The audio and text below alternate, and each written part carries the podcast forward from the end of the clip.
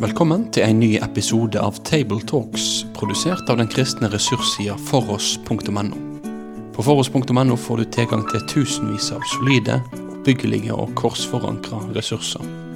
Vil du være med og støtte dette arbeidet økonomisk? Da kan du gjerne gi de gaver til Foross på VIPS nummer 70979. Vi håper at du setter pris på dagens episode av Table Talks.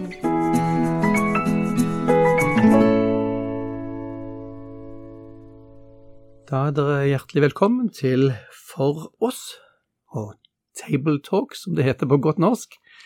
Vi er i dag i Kristiansand med Kristiansandsteamet, og jeg som sitter og, og styrer si spakene eller knappen her, er Bjørn Hindraker og er høyskolelektor ved NLA-høgskolen Kristiansand. Vi har med meg Kurt Hjemdal. Gammel bibelskolemann og sogneprest og nå pensjonist. Mm. Og Mikael Brun. Prest i Delk Kristiansand. Og eh, vi går eh, rett til eh, dagens tekst, som er Matteus kapittel 24, vers 35 til 44. Og Mikael, vil du igjen lese den teksten for oss? Ja, da leser vi i Jesu navn. Himmel og jord skal forgå, men mine ord skal slett ikke forgå. Men den dagen og timen kjenner ingen, ikke engang himmelens engler, men bare min far. Og som Noas dager var, slik skal menneskesønnens komme være. For like som de dagene før vannflommen åt og drakk, tok til ekte og ga til ekte, helt til den dagen da Noah gikk inn i arken, og de visste ikke av det før vannflommen kom og tok dem alle. Slik skal det også være når menneskesønnen kommer. Da skal to menn være ute på marken.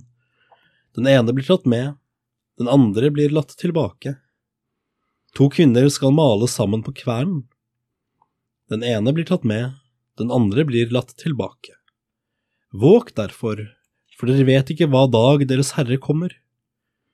Men det skjønner dere, at dersom husbonden visste hva for en nattevakt tyven kom i, så vil han våke og ikke la ham bryte inn i huset sitt.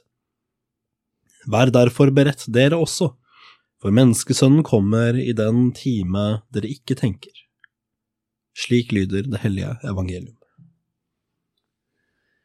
Takk skal du ha. Um, hvis vi, um, hvis vi går rett til deg, um, Kurt, og bare spør, ja, hvis vi skulle gi en slags kontekst for det som sies her, enten bakgrunnsforståelse eller bakgrunn i, i evangeliet, hva vil du si om denne teksten?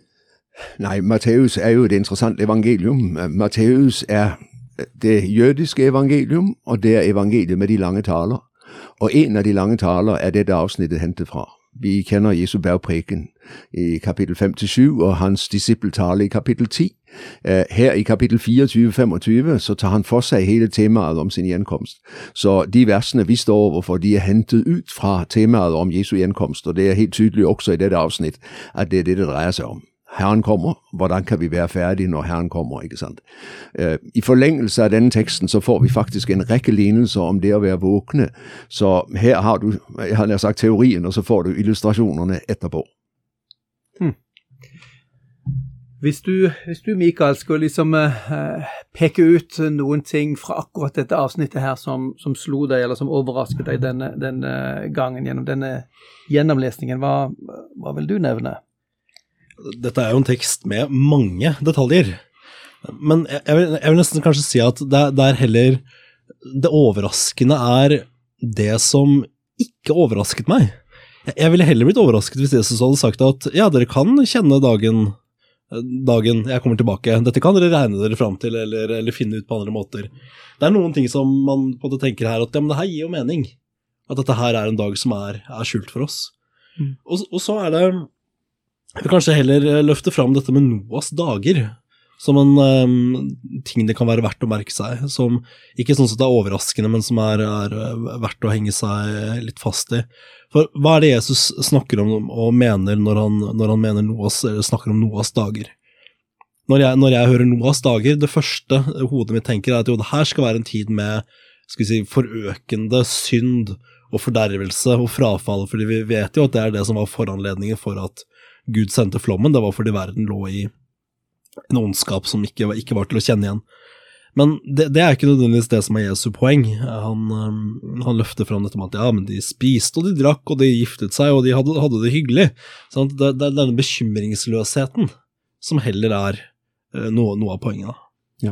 Og veldig interessant at det står at de skjønte ingenting. Altså, man lever det vanlige livet, man har ingen himmel over livet, man har ingen perspektiv over livet, og derfor når døden eller katastrofen eller undergangen kommer, så står man fullstendig uforberedt, for man har ikke tenkt muligheten engang. Helt bekymringsløst. Ja, og det tenker jeg også at det er fremfor alt det som kjennetegner Noas dager. Man lever bekymringsløst og tar ikke notis av arken som bygges, og det varsel som ligger i den, for, for det kan jo ikke skje oss noe. Hmm. Um, la oss komme litt tilbake til det når vi går litt, litt lenger inn i teksten. Dette er Veldig veldig spennende og veldig viktig.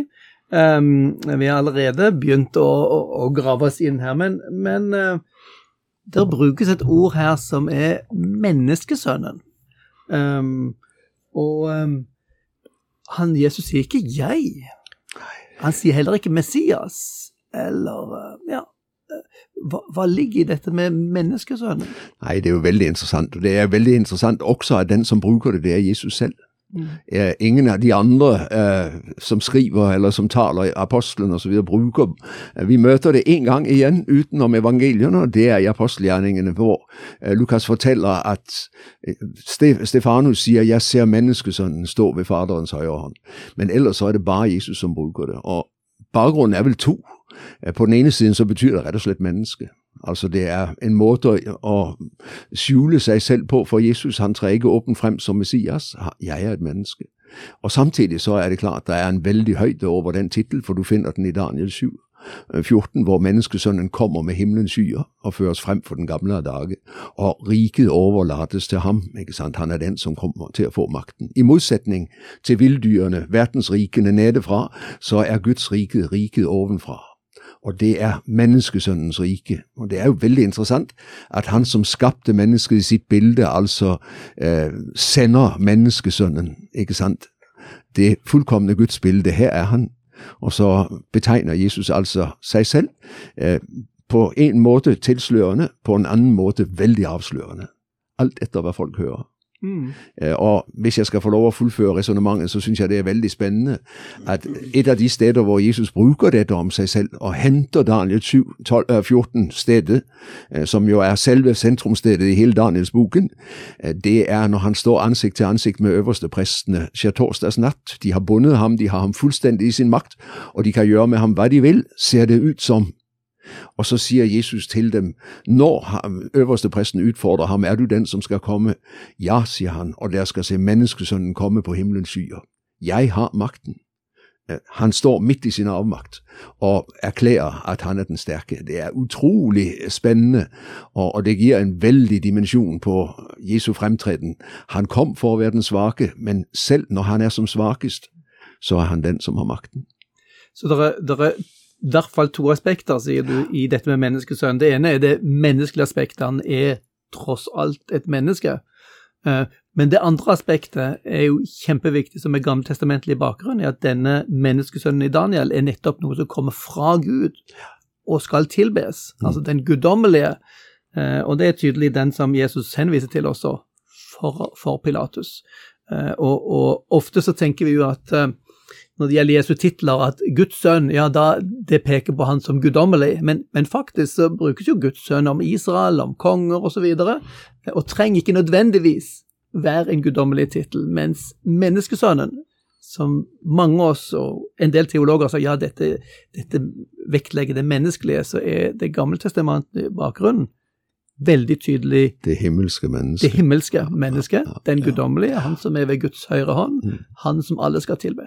Ja, man, man må ha med seg det perspektivet fra Daniel, tenker jeg. Det, er- det er Ja, må viktig. Det må du. Ellers så, for, for Jeg har også vært borti folk som bruker menneskesønnen som en sånn nesten et argument for å ikke si at Jesus ikke var Gud, men for å sterkt nedtone guddommeligheten. Det skal man vokte seg litt for. og Da, da er jo Daniel et viktig korrektiv til, til det. Ikke, ikke, ikke, ikke et korrektiv, men, men noe som utfylle bildet, da. Og så er det jo veldig spennende at når, når menneskesønnen kommer, så kommer han altså fra himmelen. Og det sier meg jo noe om dette med menneskets høyhet i Guds tanke, ikke sant. Skapt til å stå foran Gud, skapt i Guds bilde. Og, og Jesus er det fullkomne uttrykk for det, ikke sant. Han som er Gud og menneske i en person. Mm. Ja. Den annen Adam, det ultimate mennesket. Ja, ja. Og menneskesønnen passer jo godt, veldig godt inn i det. Han var det som vi var ment å, å være, eh, og som en gang skal bli likedannet til. Um, vi, vi Det er jo én ting som av og til sies um, om Jesus, at ja, han, han um, han visste jo ikke egentlig helt hva som, hva som skulle skje med seg. sant? Dette, dette at han skulle dø, var jo en, eh, var jo en liksom, eh, tegn på at han egentlig mis mislyktes. Uh, og her møter vi jo en tekst som fullstendig eh, river ned en sånn forståelse, for det her snakker han om menneskesønnen, altså han selv, skal komme tilbake, som forutsetter at han har vært borte en stund. sant? Jo da, det er jo helt tydelig med Jesu egne lidelsesforutsigelser. Han vet hva som venter. Ja, Det er ingen overraskelse for ham. Eh, Han er kommet for å dø, og jeg syns det er så spennende i Johannes eh, 10 når Jesus sier om seg selv at han tar livet, eh, han gir livet selv, og han tar det tilbake selv. Det er ingen som tar det fra ham, for han er livets herre. Han har livet i sin hånd. Han kan gi det, og han kan ta det. Og det er jo det som skiller ham fullstendig fra alle oss andre, for vi må bare finne oss i det livet vi får. Vi kan verken ta det Eh, Vi kan til nøds gi det i en krisesituasjon, men vi kan aldri ta det tilbake igjen. Jesus kan. Han er guddommelig, ikke sant, for han er livets kilde. Mm. Det er ikke vi. Så, så um, vi snakket om, om dette med menneskesønnen som, menneskesønnen som en uh, viktig skikkelse vi møter i, uh, spesielt hos Jesus. Og det er jo svært interessant, som du påpekte, Kurt, at dette finner du jo ikke den, blant de første kristne uh, nesten noen ting. Så dette er et ganske klart signal om at dette er autentiske ting fra, som ikke de første kristne kom på, men som, som går helt tilbake til Jesu egen selvforståelse og forkynnelse. Jo, og vi, snak, vi, vi har snakket i en annen sammenheng om eh, Messias-hemmeligheten hos Markus, men jeg oppfatter jo at menneskesønnen er også en del av Messias-hemmeligheten. For hvem er menneskesønnen? Og, og er det bare et menneske, eller er det noe mer? ikke sant? Så jeg, jeg ser jo også dette som en måte Jesus skjuler seg på i det han åpenbarer seg. Er, eh, jeg tenker på skyen over tabernaklet i Det gamle testamentet. Gud er der, men han er samtidig skjult. ikke sant? Og Litt av det samme har du i menneskesønn-tittelen hos Jesus. Han utleverer hvem han er, og samtidig så er det noe fordekt i dette. Men i den sammenheng syns jeg jo også det er fryktelig spennende at teksten sier himmel og jord skal forgå, men mine ord skal aldri forgå. For det gir jo igjen en enorm høyhet og til Jesus selvforståelse. ikke sant? Han er ikke i tvil om hvem han er. Han taler et ord som bærer evigheten i seg. Det er utrolig å påstå noe sånt. Og da må han enten være Gud, eller også må han være gal. Nemlig, ja. Og, at, eh, og, og vi, må, vi må merke oss når Jesus tar sånne ord i sin munn, så plasserer han seg opp det, på det guddommelige nivået i universet hos, hos Faderen. Med en sånn henvisning til seg selv, både som frelser, men også autoritet. Eh, Det er hans ord som er viktig. Ja, det er jo ingen, ingen tvil om hvordan Jesus forsto seg selv. Nei, det er ikke det. Virkelig. Nei, det er ikke det. Og da tenker jeg på i dag, med så mange som går rundt og venter på verdens ende fordi vi allerede har passert grensen for hva denne kloden kan tåle av klimaforurensning, ikke sant. Himmel og jord skal forgå. Det er ikke vanskelig. Problemet er at det stolte mennesket vil ikke se at det er avhengig av Jesu ord. I en misjonssammenheng, eh, Bjørn, i Misjonssambandet der vi sitter nå, så tenker jeg åh, om vi kunne få sagt det til folk. Kjære tid, løft av hodet, hør! Der fins et ord som bærer. Og Derfor er det så tragisk at så mange avviser det ordet.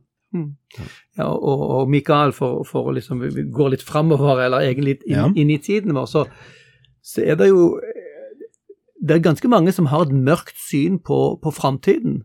Sant? Og nest, du hører nesten litt sånn apokalyptisk stemning og, og eh, i, forhold i forhold til framtidshåp og, og, og slikt.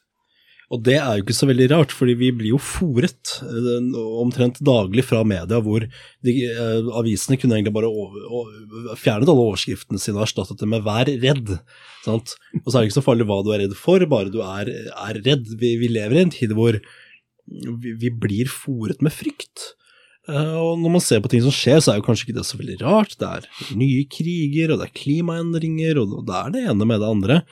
Ehm, samtidig så nå, nå, er jo jeg en ung mann, men jeg har jo lest en historie og vil jo si at det er ikke noe særlig verre nå enn det har vært, har vært tidligere. Det har tydelig, til, til, og med vært verre før.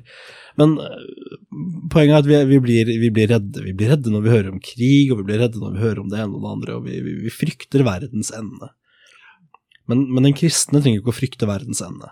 Nei. Og det, et, etter hvert, altså jeg, jeg ble jo kristen som, som 15-åring, og etter hvert som jeg skjønte mer og mer av dette, dette med verdens ende, så var jo det en vandring for meg å gå og forstå dette at eh, en, en kristen har jo ikke noe å frykte for verdens ende.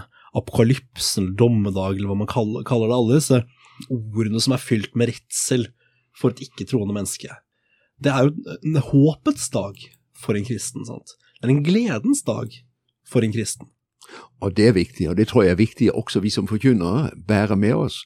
For jeg møter nok hos en del mennesker så mye angst knyttet til dette, f.eks. med Jesu gjenkomst, av forkynnelse som har vært så opptatt med å understreke eh, det forferdelige, at man har mistet gleden og forventningen.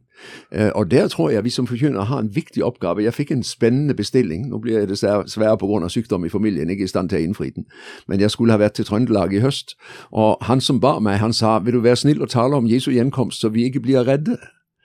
Og det syns jeg var en interessant vinkling, for i min bevissthet så er jo Jesu gjenkomst det største som skal skje, og det beste som kan skje. Men, men har vi vært så opptatt av å understreke alvoret, alt det nifse, dette at det går an å komme for sent, at vi på en måte har tatt fra troens folk gleden og forventningen i dette. Herren kommer og gjør alt nytt, det beste ligger foran. For meg er det viktig at vi får det perspektivet frem.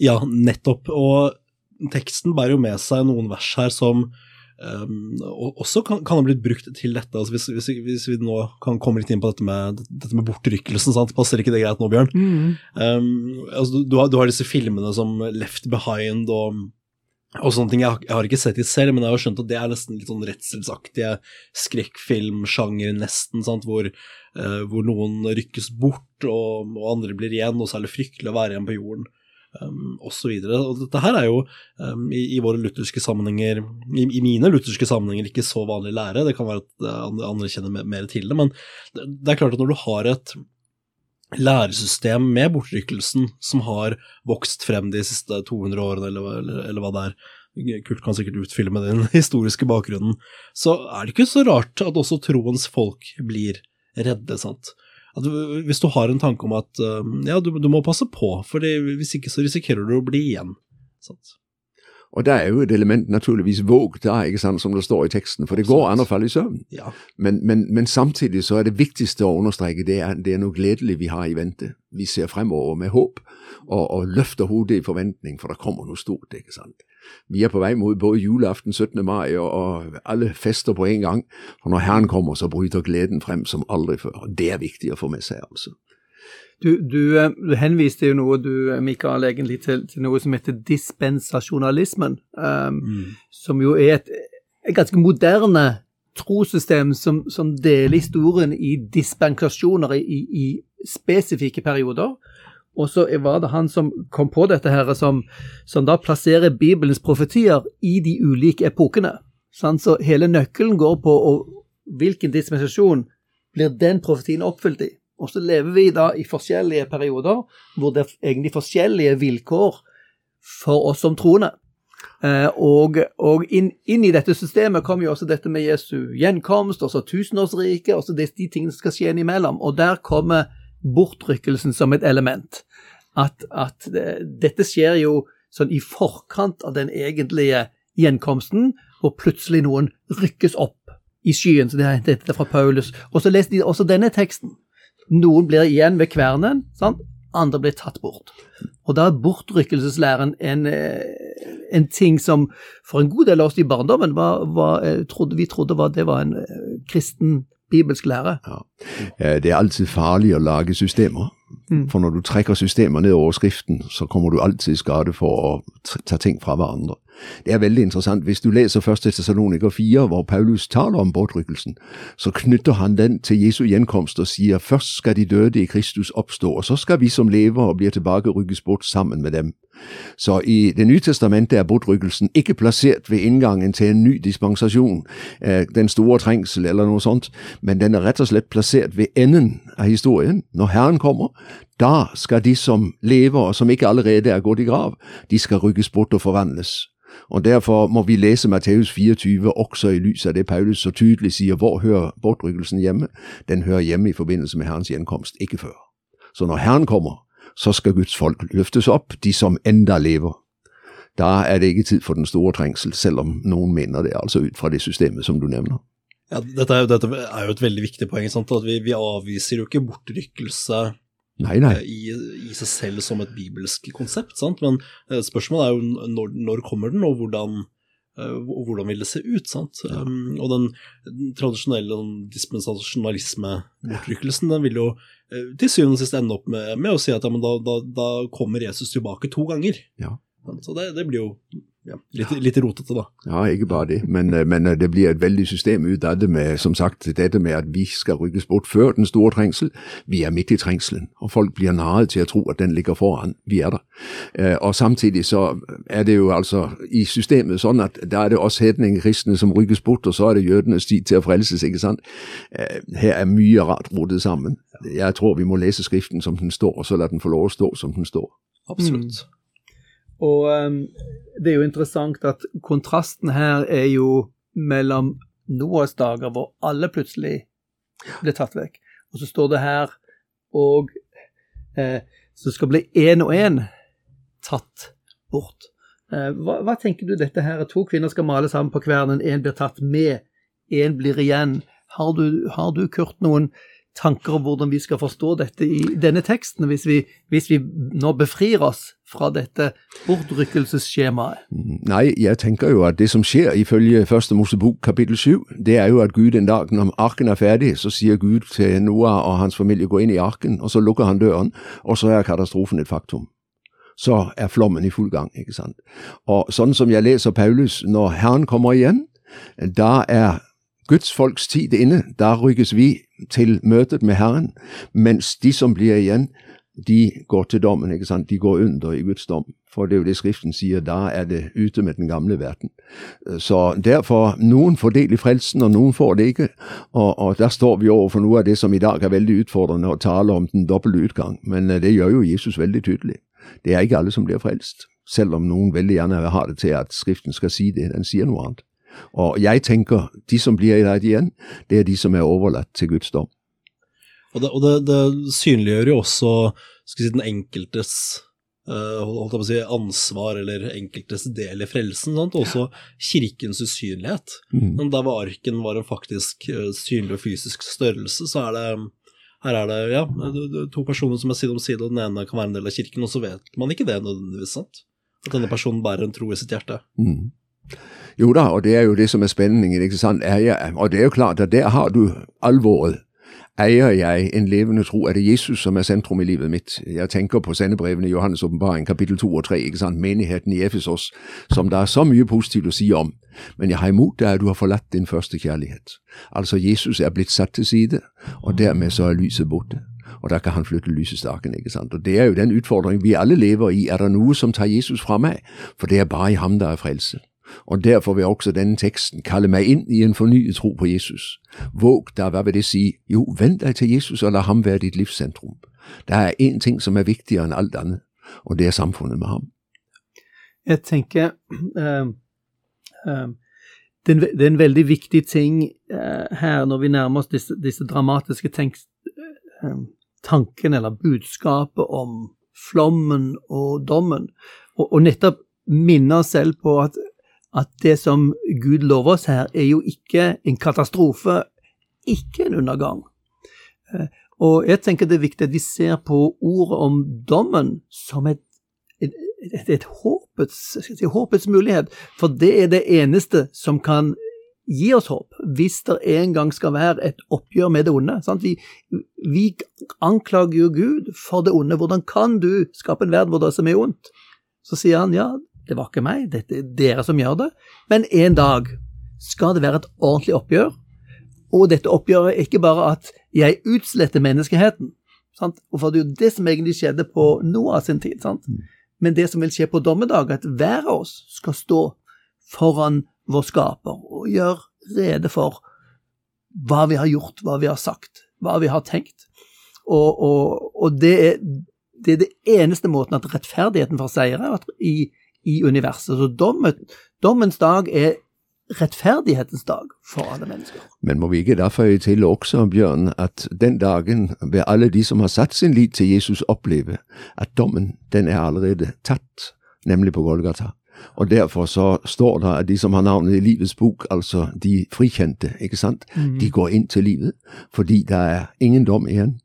Det er forskjellen har... mellom det å tro på Jesus og ikke tro på Jesus. Den som tror på Jesus, har vært igjennom dommen. Den som avviser ham, har dommen foran seg. Nemlig. Og det, det er, dommen er viktig, og Jesus har allerede tatt på seg dommen. Så vi mm. går inn under han og, og uh, kommer gjennom den gjennom Jesu uh, forsonende død for oss.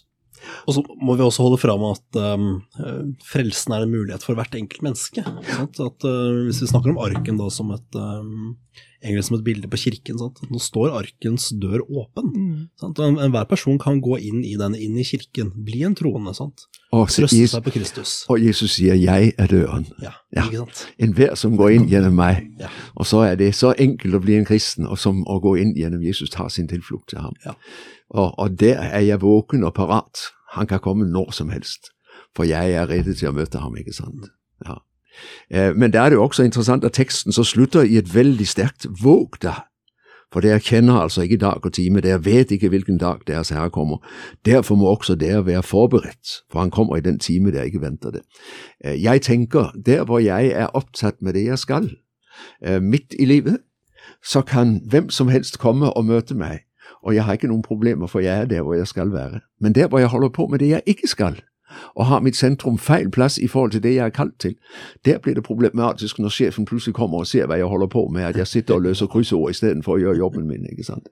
Mm. Så, så, her gjelder det altså å være der hvor Herren har plassert meg, i det Han har satt meg til. Og da er du parat til å møte ham når han kommer.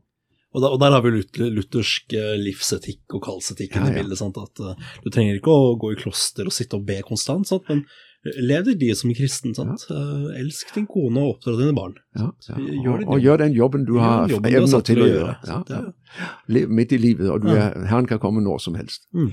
Så, så våke betyr ikke at nå skal du spekulere enda mer. Nei. Det betyr heller ikke at du skal være så desperat redd for nå kommer det en katastrofe. Det betyr rett og slett at du skal være våken og vite at ok, Gud kommer til oss en dag, skal ha et regnskap en dag, og så ordner vi vårt liv etter det. Og vi, og vi skal ikke la oss lure sant, av alle de stemmene og, og, tankene som er i tiden vår. Jeg tenker på en ting til. Eh, det er veldig, i hvert fall som ung kristen opplevde jeg, det var veldig eh, lett å bli sånn to, på tåhevskristen når jeg hørte om Jesu gjenkomst, for nå måtte jeg liksom Å! Eh, og da tenker jeg, slapp av, slapp av. Vandre med Herren der du er, i det du står i, og du er parat. Han kan komme når han vil, for, for det er åpen dør.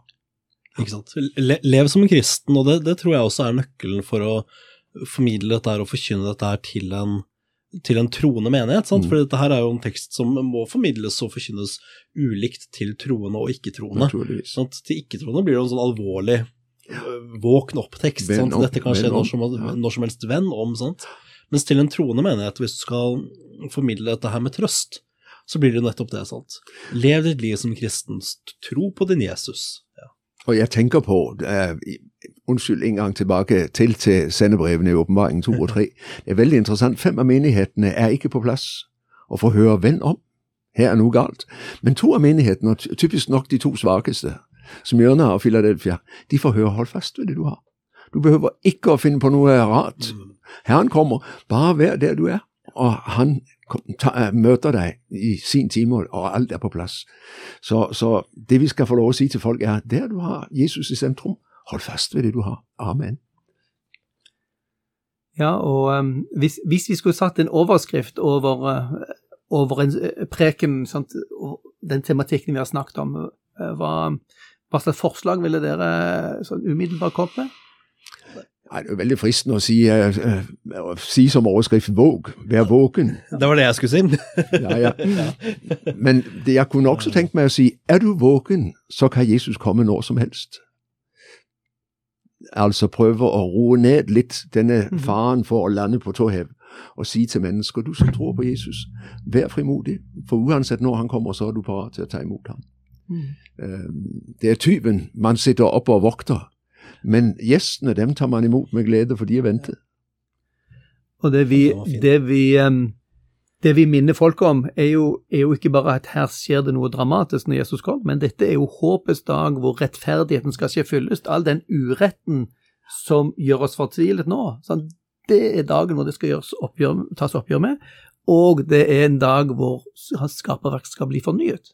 Altså, i den fortvilelsen vi lever i dag, med en global oppvarming hvor vi er redd for å ende opp i en global katastrofe, så forkynnes det gode budskapet om skaperen som kommer tilbake.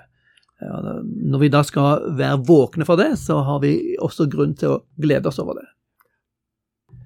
Og med det så sier vi takk for uh, denne gang, og så ser vi fram til å eh, møte dere i neste omgang fra her foross.no. Da vil vi si takk for at du valgte å få med deg denne episoden av Tabletalks, produsert av den kristne ressurssida foross.no. Driftinga og utviklinga av nettsida vår den er avhengig av gode og trufaste støttespillere. Vil du gi ei gave til dette arbeidet? Da kan du gi den via VIPS nummer 70929, eller så kan du besøke foross.no for mer informasjon om å kunne bli en fast giver. Ha en god dag videre.